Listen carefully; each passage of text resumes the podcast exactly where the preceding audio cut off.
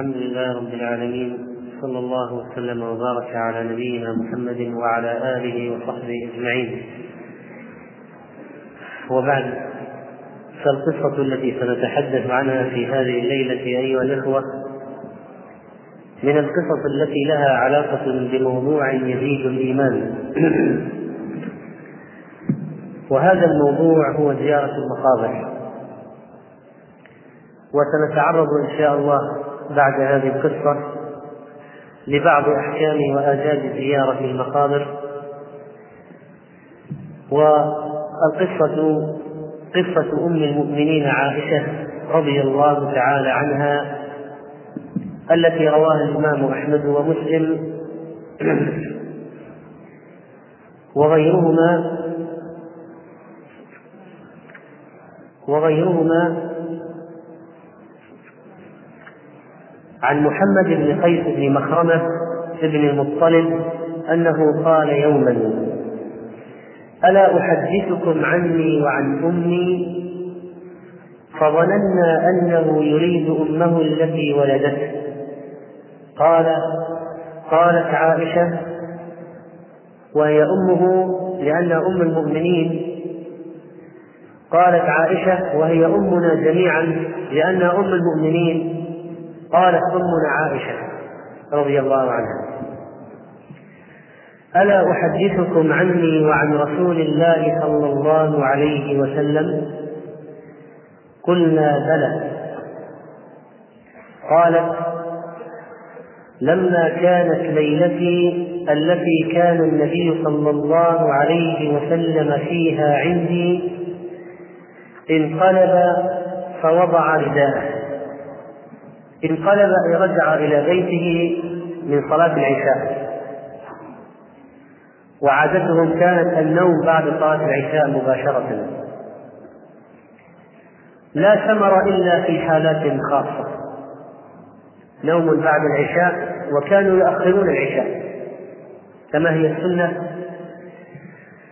ثم ينامون بعدها استعدادا لقيام الليل. هكذا كان المجتمع الأول. استعداد لقيام الليل.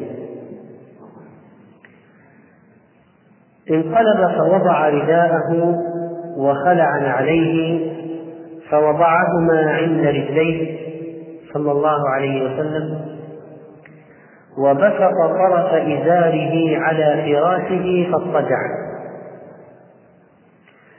فلم يلبث فلم يلبث إلا ريثما ظهر أنه قد رقدت. إلا ريثما ظن أني قد رقدت. في رواية أحمد. أي لبث عليه الصلاة والسلام على فراشه فترة ظن أن عائشة قد نامت واستغرقت في النوم. فأخذ رداءه رويدا أي برفق لئلا يزعجه. وانتعل رويدا وفتح الباب رويدا فخرج ثم أجافه رويدا أي أغلقه. أغلقه وراءه.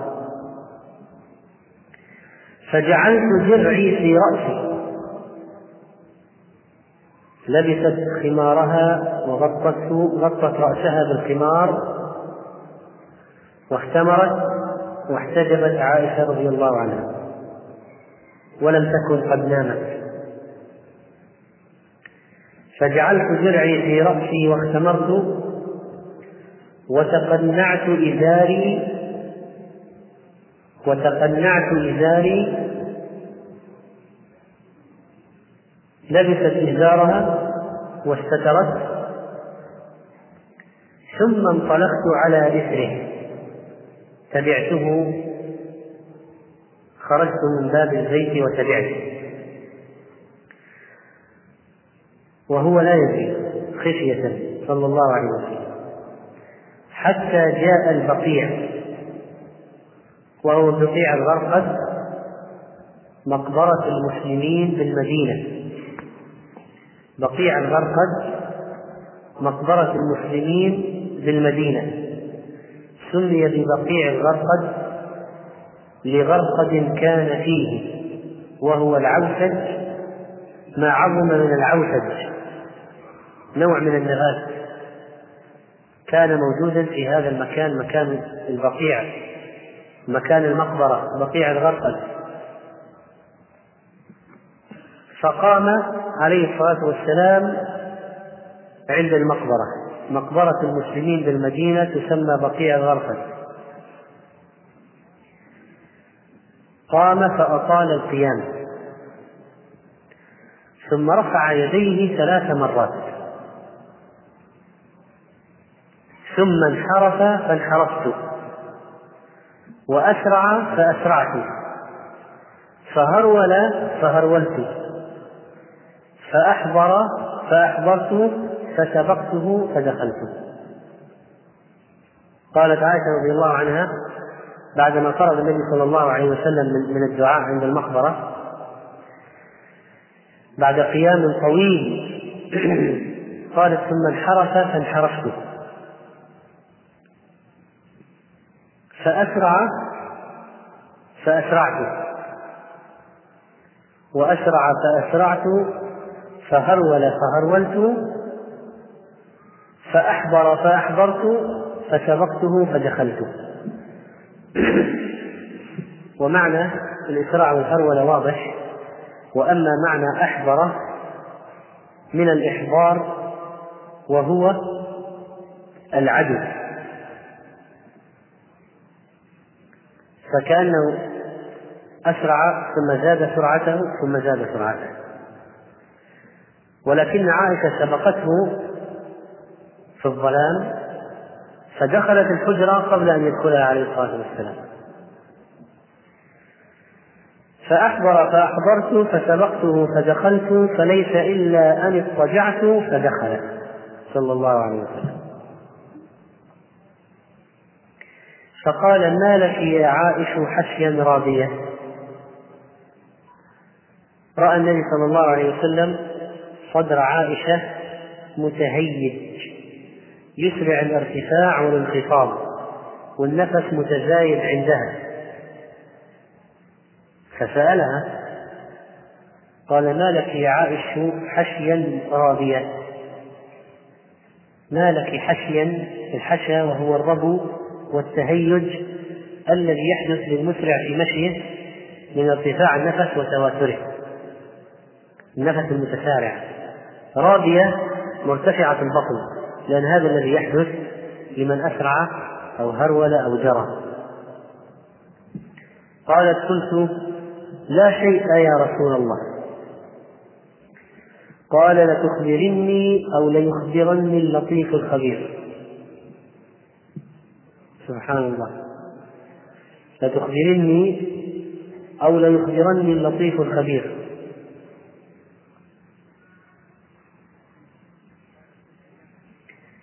قالت قلت يا رسول الله بأبي أنت وأمي فأخبرته الخبر أنها أنها ذهبت وراءه خلفة أنها ذهبت وراءه خفية وأنها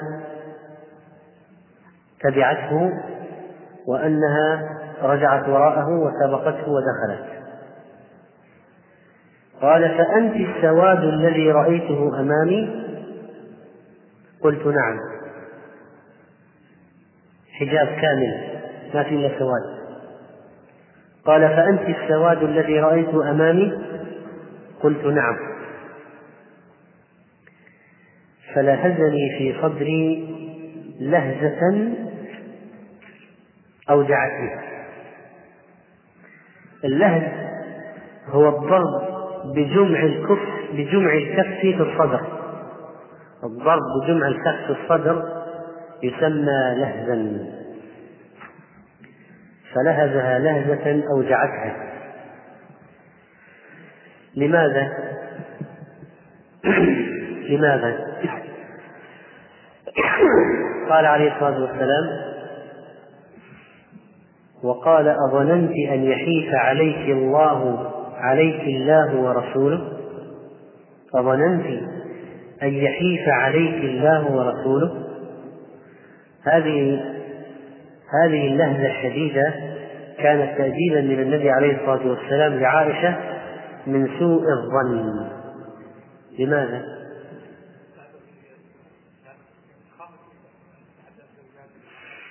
لأنها أساءت الظن. وخافت أن يكون قد ذهب في ليلتها إلى زوجة أخرى. ولذلك خرجت وراءها كانت عليه الصلاة والسلام وكانت عائشة زوجة النبي صلى الله عليه وسلم شديدة الغيرة جدا. فلما رأته خرج من من من بيتها في ليلتها خشيت أن يكون سيذهب إلى زوجة أخرى في ليلتها. فلهزها في صدرها لهزة أوجعتها وقال أظننت أن يحيف عليك الله ورسوله؟ ظننت أن الرسول يظلم صلى الله عليه وسلم؟ ويذهب في ليلتك إلى إلى امرأة أخرى من زوجاته وهو أعدم الناس. الإنسان إذا كان عند عند زوجة ليلة لا يلد إلى غيرها لكل واحدة قسم يقول أظننت أسأت الظن بي وأنا الرسول؟ أعدم الناس أظننت أن يحيف عليك الله ورسوله؟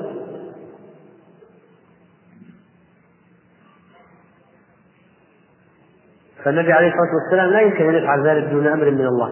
لا يمكن أن يذهب إلى امرأة أخرى في ليلة واحدة إلا بأمر من الله. فظننت أن الله سيأمر نبيه أو النبي يذهب من تلقاء نفسه إلى امرأة في ليلة امرأة من نسائه؟ قالت عائشة رضي الله عنها مهما يكتم الناس يعلمه الله مهما يكتم الناس يعلمه الله نعم. فالنووي رحمه الله ذكر في شرح الحديث أنها قالت هذا وقررته يعني قالت مهما يكتم الناس يعلمه الله نعم يعني نعم كذلك أنه مهما كتم الواحد شيء فالله يعلمه. قال نعم. وفي رواية قال نعم. فإن جبريل عليه السلام أتاني حين رأيت. الآن بدأ يشرح لها لماذا خرج. لماذا خرج في ليلتها. قال إن جبريل عليه السلام أتاني حين رأيت فناداني فأخفاه منك. ناداني نداء خفيا ما سمعتيه فأجبته فأخفيته منك. ولم يكن ليدخل عليك وقد وضعت ثيابك. لم يكن جبريل يدخل عليك وقد وضعت ثيابك. وظننت أنك قد رقدت فكرهت أن أن أوقظك. وخشيت أن تستوحشي يعني إذا تركت البيت وأنت عند وأنت مستيقظة أيقظتك وخرجت. تبقين في وحشة الظلمة. فما أحببت أن أوقظك؟ لئلا تبقي في وحشة. وظننت أنك قد نمت فخرجت. ماذا قال جبريل للنبي عليه الصلاة والسلام؟ قال له إن ربك جل وعز يأمرك أن تأتي أهل البقيع فتستغفر لهم. قالت عائشة رضي الله عنها تطلب العلم. كيف أقول لهم يا رسول الله؟ لو أنا ذهبت كيف أقول لهم يا رسول الله؟ فقال قولي السلام على أهل الديار من المؤمنين والمسلمين. ويرحم الله المستقدمين منا والمستأخرين وإنا إن شاء الله للاحقون. وإنا إن شاء الله للاحقون. هذا الحديث فيه فوائد متعددة. فمن ذلك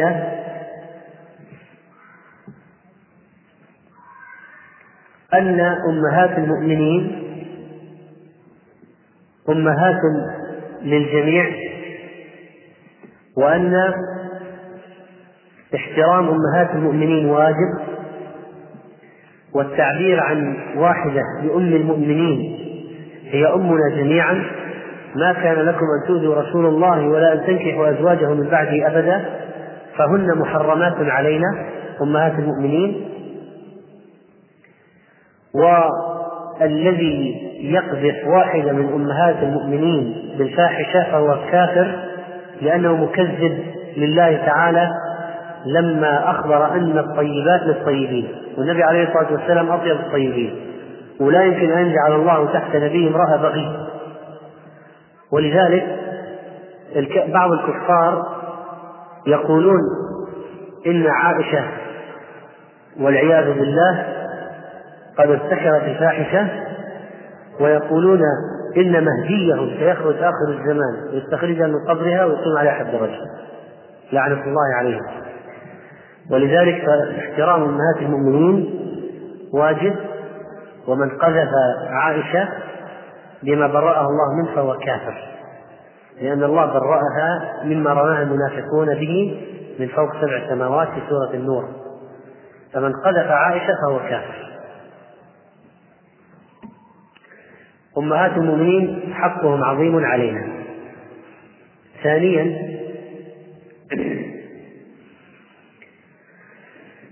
إن النبي صلى الله عليه وسلم كان رفيقا لطيفا حسن العشرة لزوجته. ولذلك بقي في الفراش حتى ظن أن عائشة قد نامت لئلا تستوحش إذا خرج إذا أيقظها وخرج. أو خرج قبل أن تنام وتركها في الظلمة تستوحش. فبقي حتى ظن أنها قد نامت ثم خرج. وهذا من حسن العشرة مع المرأة. وأن من حسن العشرة أن لا تترك المرأة وحيدة في الظلمة. ولكن ينبغي على المرأة كذلك أن لا تكون جبانة تخشى من ظلها وينبغي أن يكون عندها شيء من التحمل خصوصا عند خروج الزوج لحاجة. كهؤلاء الذين يخرجون في النوبات الليلية في الأعمال. وأنه ينبغي على الزوج أن يجعل من يؤنس وحشة زوجته أو يجعل المكان فيه شيء فيه أسباب الأمن فيه من أسباب الأمن ما يكون ما يكون فيه حماية بإذن الله تعالى لزوجته إذا بقيت في الليل وحدها في البيت. ثالثا استحباب إطالة الدعاء لأن النبي صلى الله عليه وسلم وقف هناك وأطال الدعاء. رابعا استحباب رفع اليدين في الدعاء وقد ورد هذا في أكثر من مئة حديث رفع اليدين في الدعاء خامسا استحباب زيارة القبور وسنأتي على ذلك إن شاء الله. سادسا أنه لا بأس من زيارة القبور في الليل ليلا.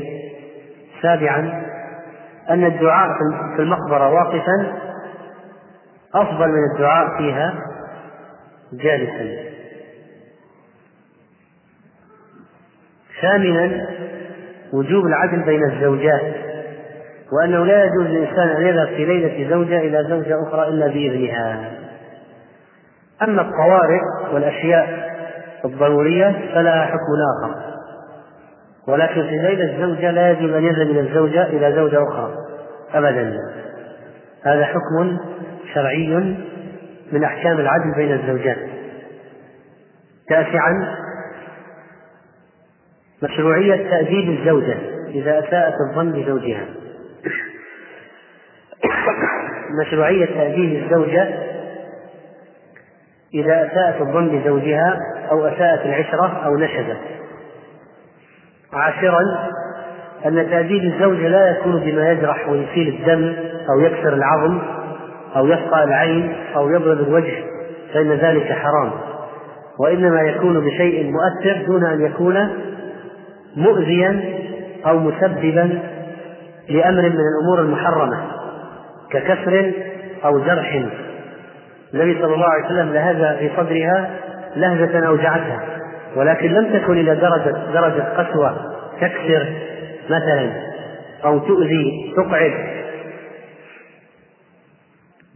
الحادي عشر أن الله سبحانه وتعالى يعلم السر وأخفى.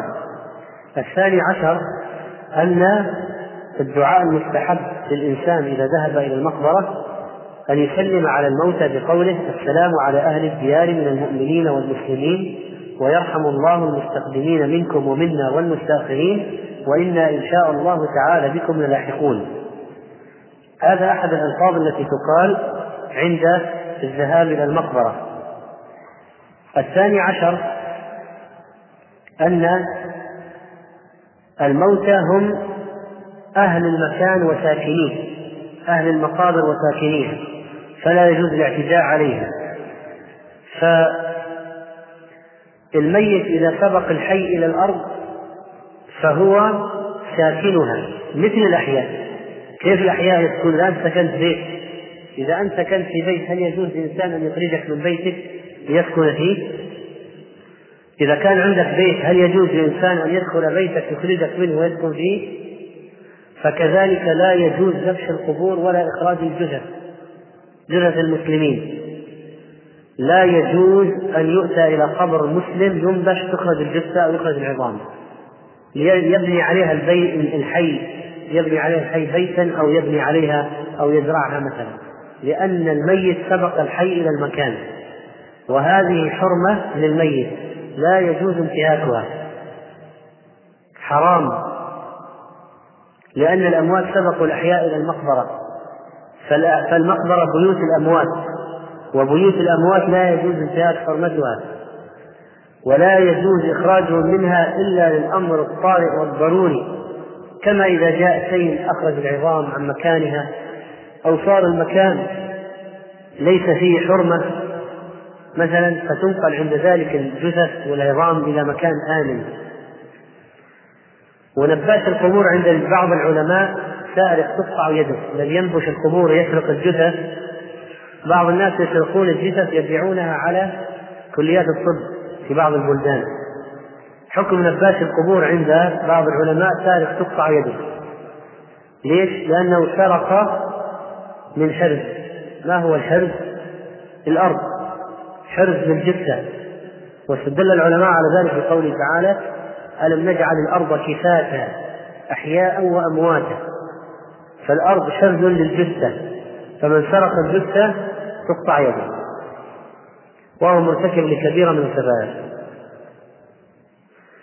وبعض الناس يتساهلون في إخراج جثث الأموات ليبني بيتا له أو مزرعة ونحو ذلك. وهذا حرام لا يجوز مطلقا فعله. هذا خاص بمقابر المسلمين. أما مقابر الكفار فليس لها حرمة. من جهة إذا حصلت حاجة للأرض أخرج جثث الكفار ونقلت إلى أي مكان آخر.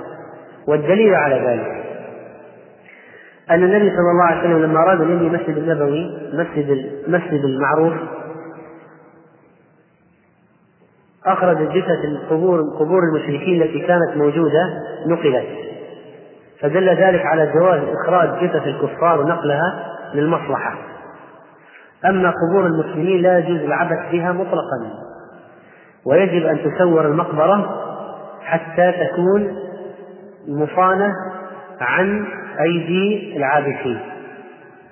ولا يجوز أن تجعل مجمع للقمامة أو النفايات ويجب أن تصان القبور عن كل شيء يفسدها أو يضر بها كالمشي فوقها. أو المشي بينها بالنعال أو القعود عليها أو جعل مجمع نفايات أو مأوى للكلاب الضالة ونحو ذلك.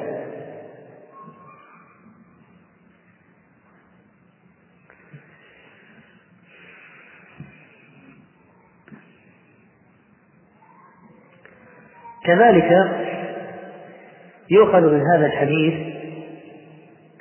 زيارة النساء للقبور ولكن العلماء ولكن عددا من العلماء ذهب إلى تحريم ذلك لحديث لعن الله زوارات القبور وفي رواية لعن الله زائرات القبور.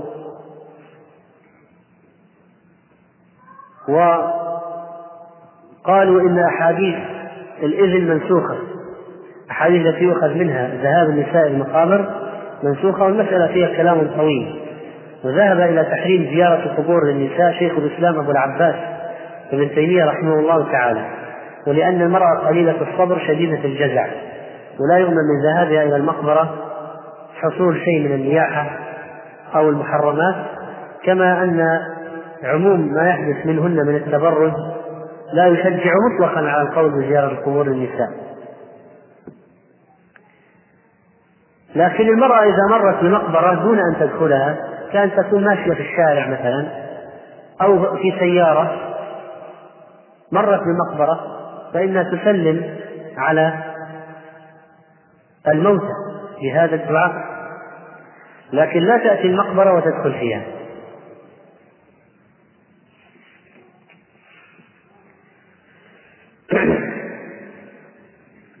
كذلك في هذا الحديث الإيمان بالغيب والملائكة وجبريل عليه السلام وكيف جاء النبي صلى الله عليه وسلم وكلمه وعائشة ما أحست مع أنها كانت مستيقظة. مع أنها كانت مستيقظة. أما بالنسبة لموضوعنا الموضوع الذي الموضوع الأساسي لهذا الحديث وهو مسألة زيارة المقابر فإن زيارة القبور مشروعة للاتعاظ وتذكر الآخرة شريطة أن لا يقول عندها ما يغضب الرب. وكثير ما وكثيرا ما يقع إغضاب الرب بل الشرك عز بالله عز وجل في المقابر. كدعاء المقبورين والاستغاثة بالموتى من دون الله كهذه الأضرحة المبنية والقباب على القبور والخرق المعقودة لشبابيك القبور والأموال وحلق الرأس عند القبر والطواف بالقبر وغير ذلك وتقليل الأعتاب. وهذه مظاهر الشرك بالله عز وجل ونداء الميت. أما الزيارة الشرعية التي ليس فيها شرك ولا بدعة ولا أمر محرم فإنها للرجال عبادة وقرب إلى الله. لقوله صلى الله عليه وسلم إني كنت نهيتكم عن زيارة القبور فزوروها فإنها تذكركم الآخرة ولتزدكم زيارتها خيرا.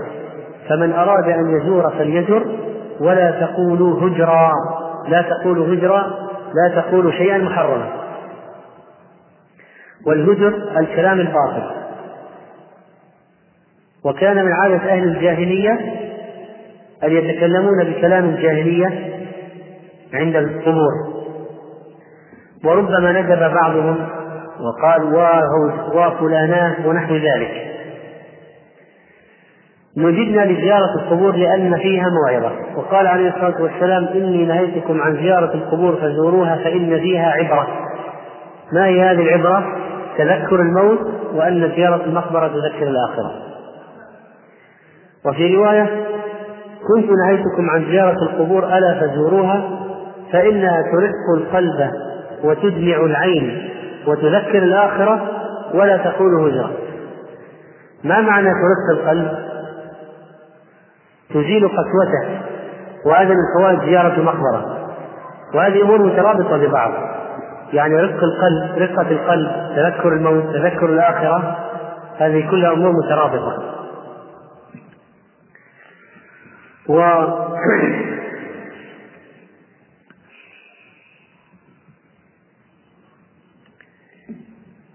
وكذلك فإن زيارة القبور زيارة القبور.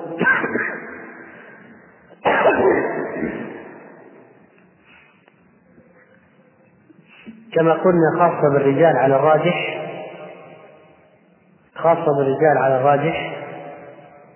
لحديث لعن الله زائرات القبور أو زوارات القبور. والأحاديث التي فيها قد يؤخذ يفهم من ظاهرها جواز زيارة النساء للقبور منسوخة بأحاديث النهي. ولم يستثنى إلا الرجال.